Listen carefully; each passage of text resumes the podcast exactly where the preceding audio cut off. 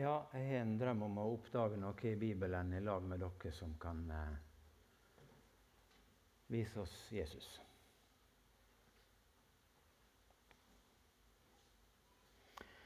Bibelen forteller om kjærleiksforholdet mellom sønnen og far. Så får sønnen den oppgava av far å forlate det trygge for å leite etter de som har vendt seg bort ifra ham.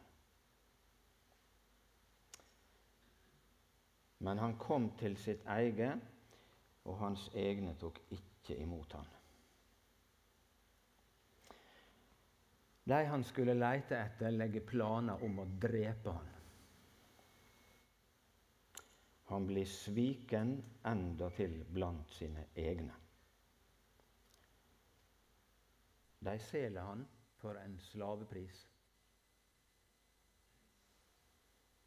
Så blir han gitt i hendene på hedninger, og der blir han dømt av en mann med et navn på P.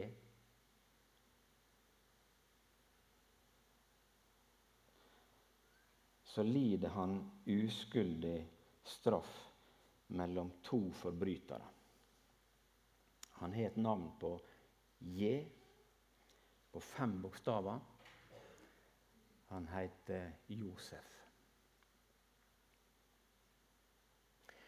Og Bibelen forteller akkurat om det sterke kjærleiksforholdet mellom far og sønn. Har du lest historien om Josef? Hvor tydelig det er. Og så får han den oppgaven å forlate det trygge for å leite. Det var den gangen brødrene til Josef hadde med dyra ganske langt nordover i landet, til en plass som heter Sikhem. Der hadde familien vært før. Den gangen de kom inn i landet, eh, så skjedde det noe fatalt i Sikhem. Det var sønnen til landsbysjefen som voldtok søstera deres, Dina. Og to av brødrene legger en grusom plan og massakrerer alle gutter og menn i Sikhem. Nå, lenge etterpå, så er brødrene der nord med dyra. Og antageligvis er han far Jakob urolig for dem og spør Josef om han vil fare og se etter dem. Og så svarer Josef ja, her er jeg. Det står endatil i en dansk bibel at Josef svarer se, jeg er rede. Altså han er villig til å reise og se etter dem, sjøl om han veit hvor de hater ham og veit at det er farlig. Og enda mens Josef er langt borte og de ser noe, så legger de planer om å drepe ham. Nå blir ikke det slik at det blir de som dreper eller feller dommen. De selger Josef, og det er faktisk en slavepris han blir solgt for. Og så blir han overlatt i hendene på ja, vi kan godt si hedninger. Det er noen handelsfolk som skal til Egypt, og de er det som kjøper han. I Egypt blir han dømt av en mann med et navn på P. Det er endatil et navn på sju bokstaver. Han heter Potifar. Men er ikke det rart hvor de sju bokstavene ligner på en annen med et navn på P, som dømte en uskyldig, og som visste at han var uskyldig. Men han skulle i stedet berge sitt eget rykte, og så ofra han Josef. Husker du hvor det gikk med Josef i fengselet? Når han lider uskyldig straffa mellom to forbrytere, bakeren og munnskjenken. Den ene blir dømt, den andre blir berga.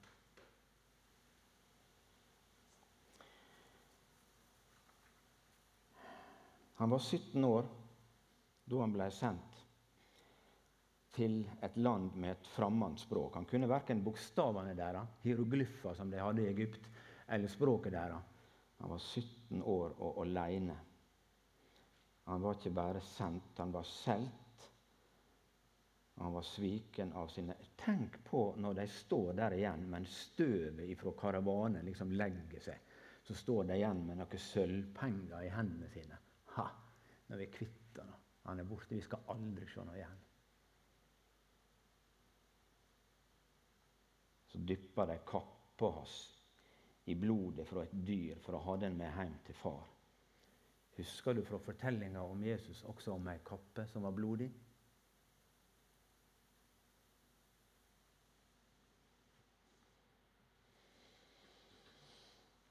Hvordan går det med Josef i Egypt? Nei, Josef var et menneske, en synder som vi. Men slik som Bibelen forteller om han, så gjorde han bare det som var godt. Så står han opp ifra fengselet tredje året, blir sett ved faraos høyre hand og får all makt i Egypt. Hva bruker han den makta til? Den bruker han til en redningsaksjon. Og slik som Bibelen forteller det, så sprer denne hungersnøda seg over så mange land at det står at de kom fra hele jorda, fra hele verden, for å få korn. For etter disse sju åra med overflod, når Josef har samla ufattelige mengder med korn i disse kornlagrene i Egypt, som vi den dag i dag eh, kan finne bevis på at de var. Så kommer uåra, og så kommer folk til farao for å få korn. Og så sier farao, 'Gå til Josef'. Hører du hvor det ligner? Gå til han med et navn på J.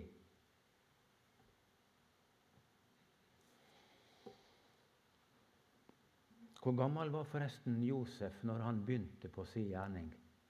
Det kan du også lese i bibelteksten i Første Mosebok. Han var 30 år. Samme alder som en annen på J. Slik tegna Det gamle testamentet med blyant ei tegning av Jesus. Jesus. Så kommer Josef sine brødre til Egypt for å kjøpe korn. Det har gått 20 år siden den gangen de sveik han og solgte. Nå kommer de til Egypt for å kjøpe korn. Men de kjenner ikke Josef. De står framfor denne der herlige, mektige mannen i Egypt. Han som fikk all makt men de klarer ikke å kjenne han igjen. Husker du forresten hvordan det var når læresveinene møtte igjen Jesus etter at han hadde stått opp? De kjente ikke henne, men de fornemma at de kjente henne. Det var et eller annet, men de kunne ikke skjønne at det var han.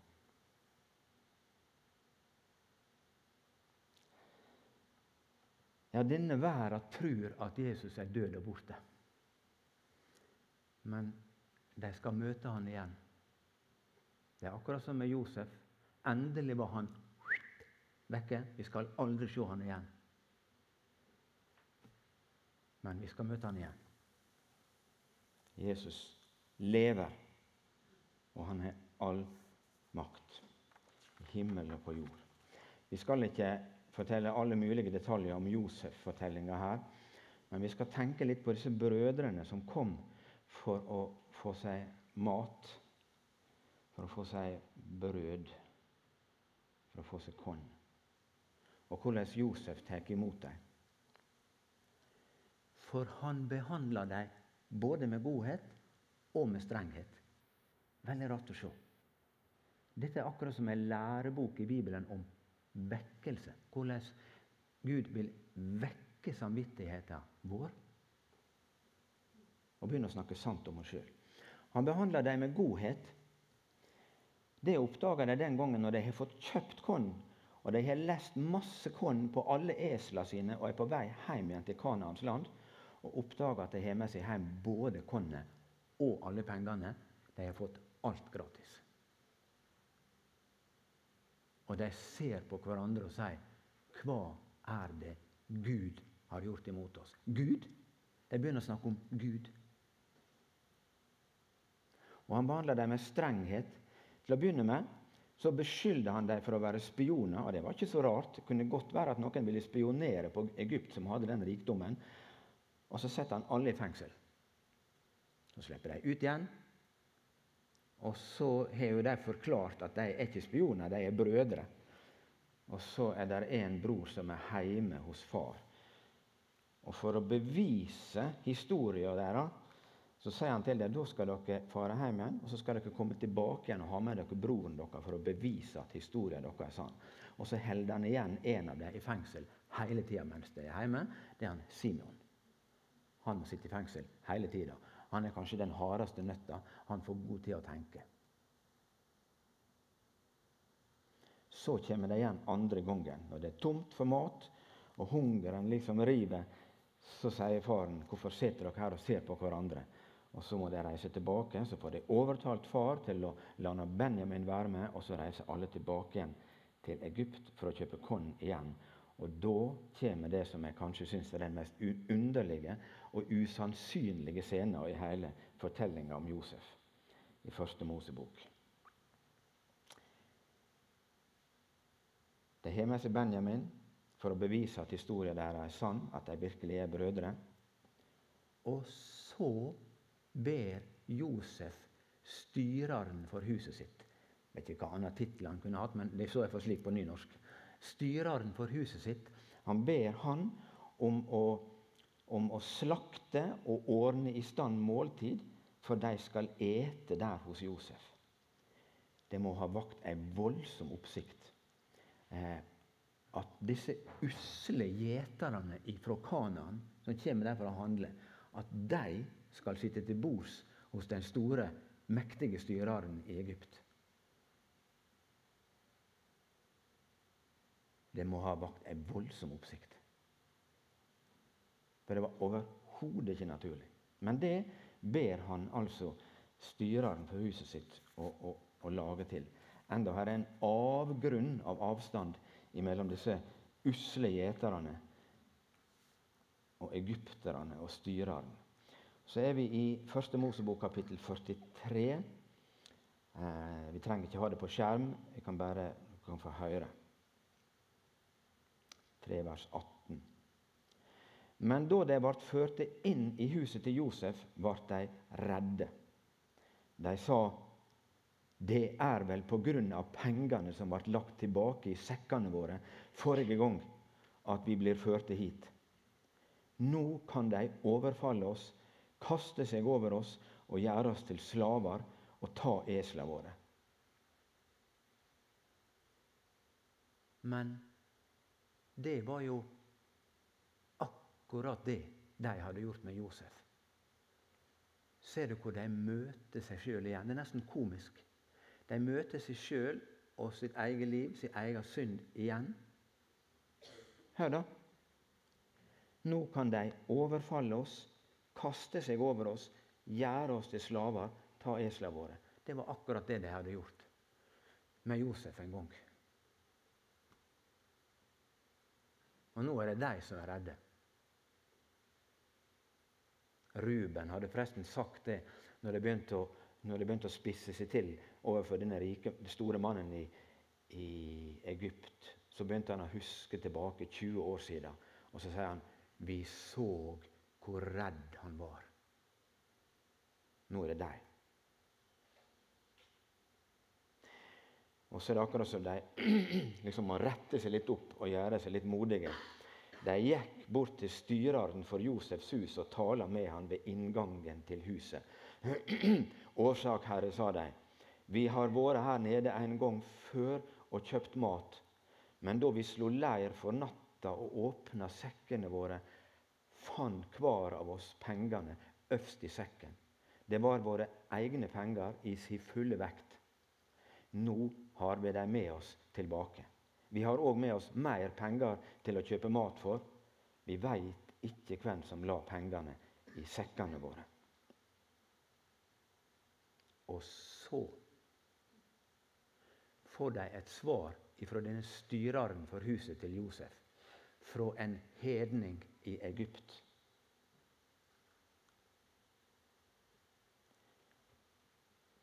Er det rart hvor Gud kan møte oss på de mest uventa, utrolige plasser, og bruke den han vil, til å la oss møte hans godhet. Her svarer altså denne styreren Fred være med dykk, vær ikke redde. Dykkar Gud, Gud til far dykkar, har gitt dykk en skatt i sekkene.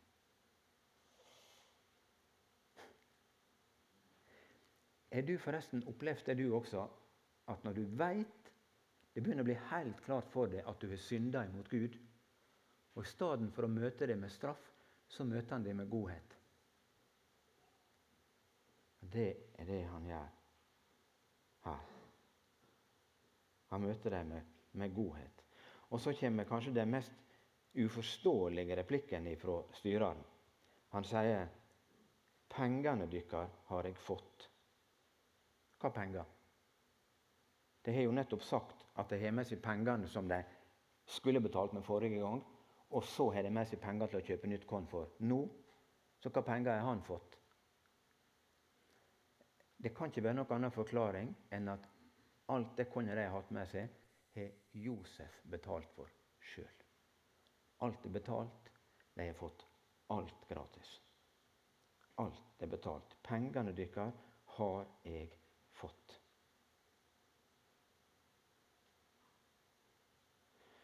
Ja, unnskyld, jeg må bare stoppe og fundere litt på ting som ligner her. Vi, vi mennesker, Gud vil behandle samvittigheten vår slik at vi begynner å snakke sant om oss sjøl. Og ditt var det han ville ha Josef sine brødre også. Slik at vi kan vende om og få bruk for tilgivelse. Det vil han. Det vil han med Josef sine brødre. Det vil han med oss. Men alt er betalt.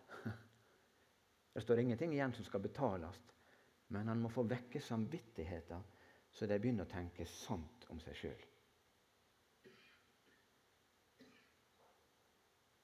Samvittighet, det er en stor verdi. Pengene deres har jeg fått. Så førte han Simon ut til dem. Nå slipper han ut av fengselet etter all denne tida. Siden førte mannen dem inn i huset til Josef. Han ga dem vann så de fikk vaske føttene, og han ga fôr til eslene deres. Og de gjorde klar gåva før Josef skulle komme ved middagstid. De har altså med seg ei gåve også. Det står tidligere i kapittelet helt detaljert hva de hadde med seg som gåve. Kan du lese? For de hadde hørt at de skulle ete der. Så kom Josef hjem, og de bar fram gåva de hadde med seg inn i huset, og kasta seg til jorda for ham. Hva tenker Josef da? Da husker han sant? Da husker han det han hadde drømt for 20 år siden. Om brødrene som skulle bøye kne for ham. Han spurte hvordan det sto til med dem. Så sa han, står det bra til med den gamle far dykkar som de taler om? Lever han ennå? Det spørsmålet kommer igjen flere ganger i Josef-fortellinga og avslører dette kjærlighetsforholdet som er mellom Josef og far. Se hvor det tegner kjærlighetsforholdet mellom en annen sønn og en annen far. Det, er det han først vil vite. Ja, svarer de, det står bra til med far vår, tjeneren din. Han lever ennå. De bøygde seg og kasta seg ned for ham.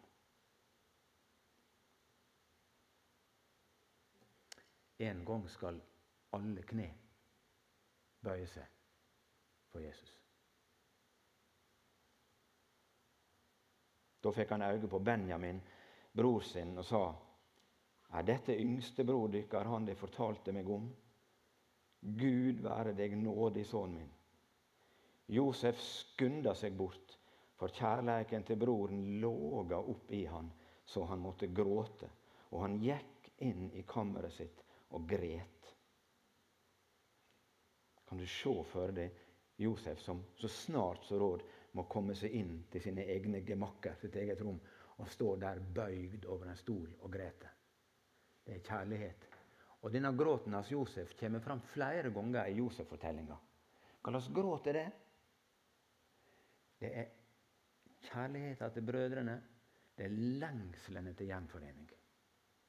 Bibelen tegner bildet av en med et navn på J, som lengter sånn etter gjenforening at han må gråte. Du finner det igjen i Nytestamentet også. Og så er det så Vi må smile når vi leser fortsettelsen her. Ei eldgammel fortelling i første Mosebok, og så er det så fullt av detaljer. Det står så vaska han seg i ansiktet og gikk ut att. Enda til den detaljen er med. Han la bånd på seg og sa, 'Set fram maten.' De satte fram for han og for brødrene og for egypterne som åt hos han hver for seg. For egypterne kunne ikke ete i lag med hebreerne. Det var noe avskyelig for dem. Hva da? Jeg vet ikke om jeg helt skjønner det, men egypterne var jo et stolt folk, et mektig folk, et kulturfolk.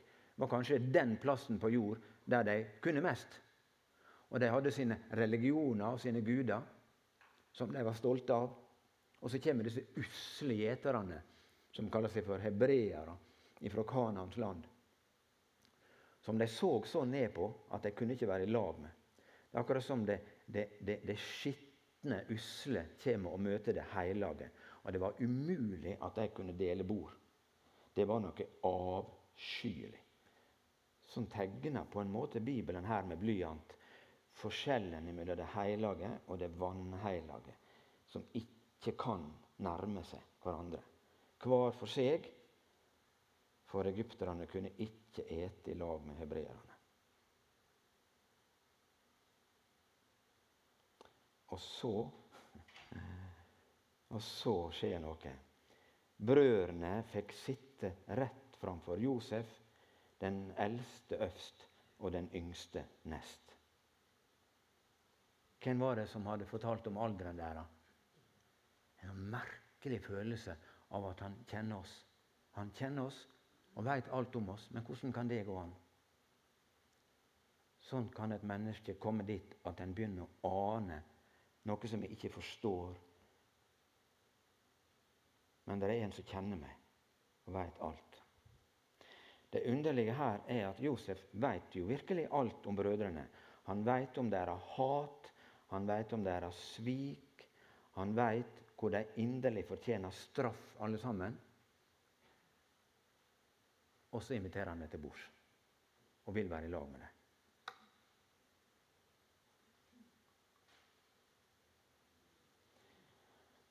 Og der sitter de med Josef. Tenker du også på hvor dette ligner på en annen situasjon med tolv rundt et bord? Tolv som får sitte til bords med Jesus. Han også sier, 'Jeg har lengta inderlig etter å ete dette måltidet i lag med dere.' Og Det var akkurat det Josef hadde gjort. Han hadde lengta etter at denne situasjonen skulle skje, at han skulle få sitte sammen med dem. For han elska dem og lengta etter gjenforening. Fortjente de å sitte til bords med han? Slett ikke. På ingen måte. Det er det skitne i møte med det hellige og rene. Fortjente læresveinene forresten å sitte til bords med Jesus den gangen ved påskemåltidet? Husker du hvordan det var? Først så skjedde jo det at, at en eller annen av disse tolv læresveinene skulle ha kommet på at de skulle finne tak i vann og vaske føtter. Det skulle en jo alltid gjøre før et sånt måltid. Men ingen av dem tenkte på det, så det måtte Jesus gjøre sjøl. Og enda til, enda til, den detaljen las vi i stad. Det står jo faktisk i Josef-fortellinga også at de fikk vaske føttene sine. Og for det andre så, så sitter han til bords og veit at her er en som kommer til å svike meg. Det var noe til måltid den kvelden. Og for det tredje så skjer det ved nattverdbordet at de begynner å krangle med hverandre, læresvennene, om hvem av dem som er den største. Så det var de han satt i lag med og hadde lengta etter å ete måltid i lag med Jesus. Og så tegner Bibelen det samme bildet her når han forteller om Josef som er lengta etter å være i lag med sine brødre. Guds sønn hadde måltidsfellesskap med syndere, og Josef ville sitte i lag med brødrene sine. Jeg skal ikke fortelle resten av Josef-fortellinga. Det må du lese sjøl. Men det som kommer her helt på slutten, syns jeg er det største. For da står det Han let dei få av rettene på sitt eget bord. Det skulle aldri skje. Det var noe avskyelig. Det kunne ikke skje at han, herskeren, kunne dele bord og rettene med disse usle gjeterne ifra Kanaan. Han let dei få av rettene på sitt eget bord. Det er akkurat det Jesus gjør når han sitter til bords med sine på skjærtorsdagskveld. Da tar han brødet, og så bryter han det. Og så sier han, 'Dette er min kropp, som er for dere'. Og så tar han vinen og sier, 'Dette er mitt blod, som blir utrent for dere'. Så gir han av sitt eget og så får de som ikke er verdige til å sitte i lag med ham i det hele tatt, ta imot ifra han. Og han vil kalle dem for brødre, for søsken.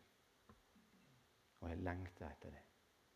Kan du bare ta med deg denne Josef-fortellinga i tanken din neste gang du får anledning til å gå til nattverd?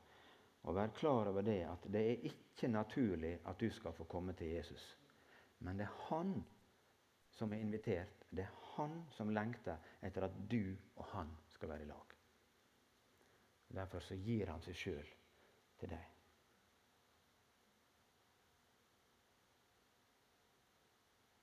Det er ufattelig ære. Og med å lese dette til dere i dag, så hadde jeg så lyst til at jeg kunne ære Jesus. Han som sier 'Kom, for nå er det ferdig'.